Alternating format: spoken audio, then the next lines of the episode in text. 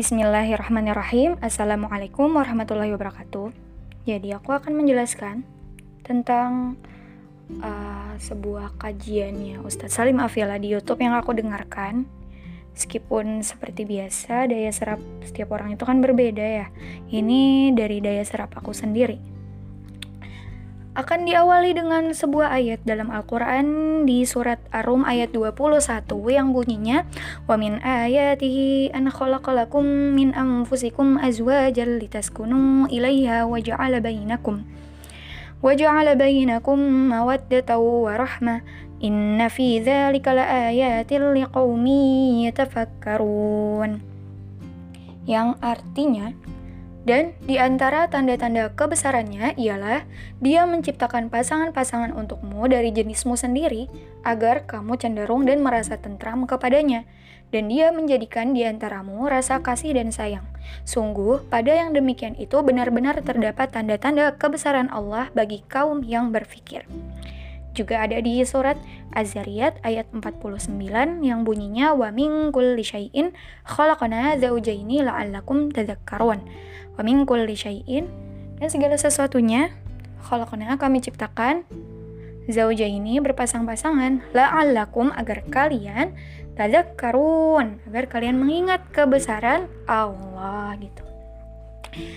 Mungkin kalau misalnya kalian sering memperhatikan undangan-undangan gitu ya, ada ayatnya, ya nggak jauh-jauh lah dari dua ayat itu tadi. Yang digaris bawahi di dua ayat tadi adalah ada kata-kata mengingat kebesaran Allah.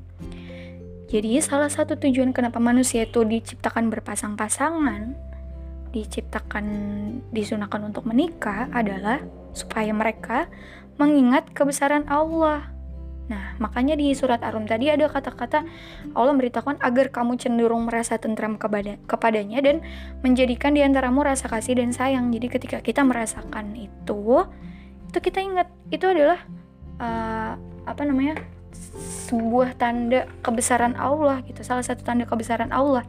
Aku jadi teringat uh, salah satu kutipan dari buku favoritku tulisannya Bang Gaber, Bang Gaber atau Bang Gaber nggak tahu ya, yang judulnya Menjelang Petang. Bunyinya kayak gini yang sesungguhnya mencintaimu itu adalah Tuhan, bukan aku. Aku hanyalah sebagian kecil bentuk cintanya yang dia ciptakan untukmu. Begitupun sebaliknya. Jadi uh, bagus banget kan ya kutipannya. Ya, sebenarnya yang mencintai pasangan kita dan yang mencintai kita itu adalah uh, kasih sayang Tuhan. Nah, perantaranya baru dari pasangan atau orang-orang yang menyayangi kita itu tadi. Gitu. Salah satu harapan kita dalam sebuah pernikahan adalah keberkahan.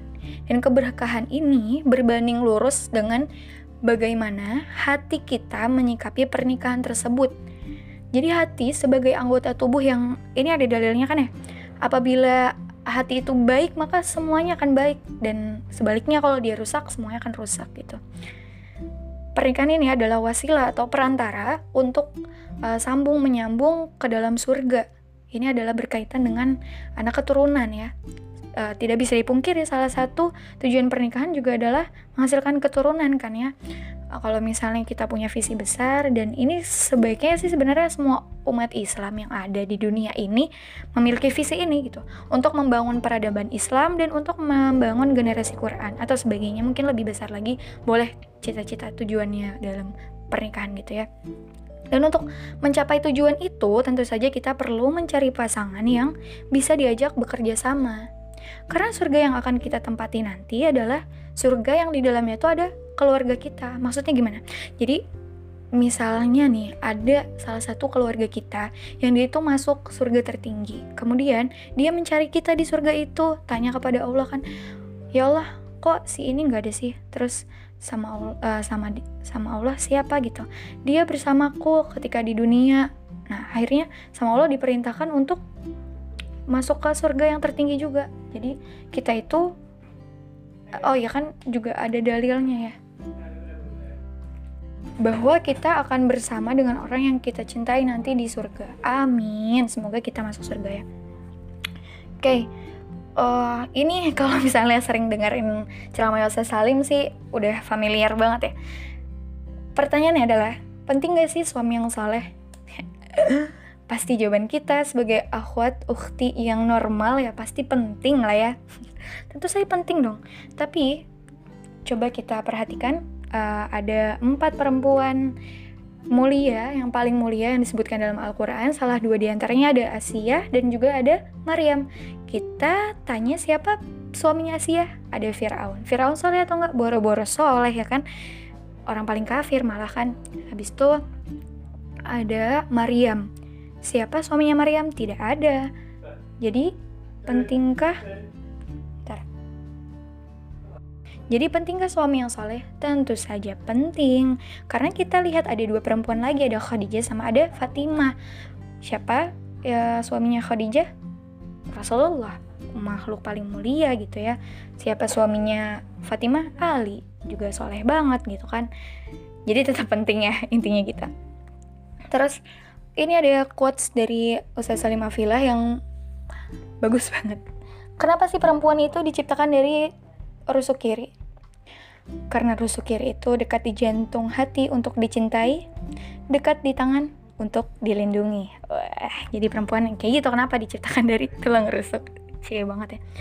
Terus, apabila misalnya kita ingin mencari pasangan ya, ini tips dari Ustaz Salim Afila, kita perhatikan bagaimana hubungannya dengan empat orang ini empat orang lagi empat hal ini yang pertama bagaimana hubungannya dengan Allah, bagaimana hubungannya dengan ibu, bagaimana hubungannya dengan teman sebaya, dan bagaimana hubungannya dengan anak kecil.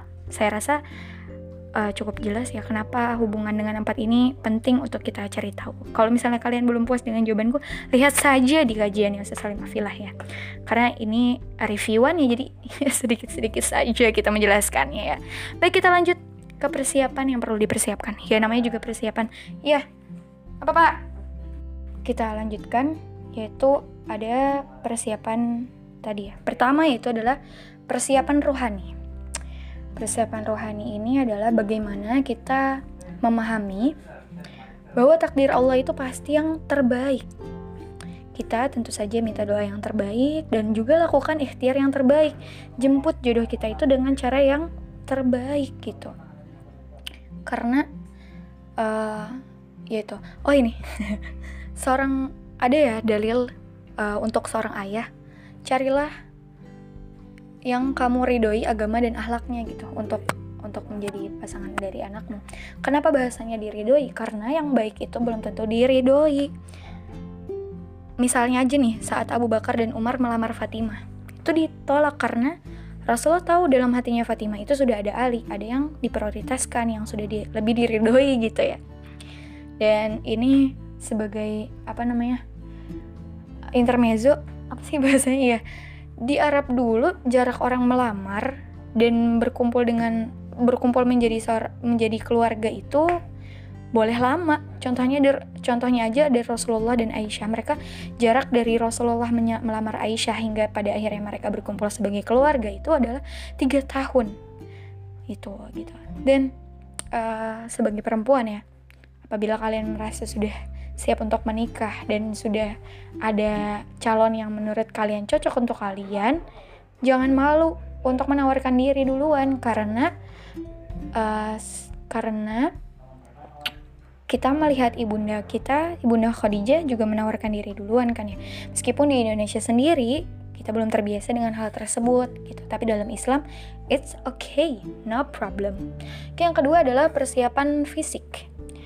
Aku nggak catat banyak sih, tapi di sini sepertinya kita sudah cukup jelas ya.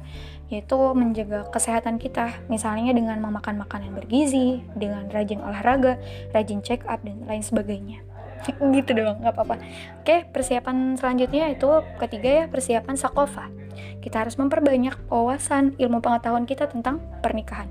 Kita juga harus mempelajari bagaimana uh, karakter umum laki-laki dan perempuan. Bagaimana cara berpikirnya bagaimana cara menghadapi masalahnya karena berbeda-beda. Beda banget sebenarnya perempuan sama laki-laki ini. Karena banyak ya yang udah menikah. Sebenarnya mereka tuh saling mencintai tapi mereka tidak mengetahui bagaimana caranya gitu.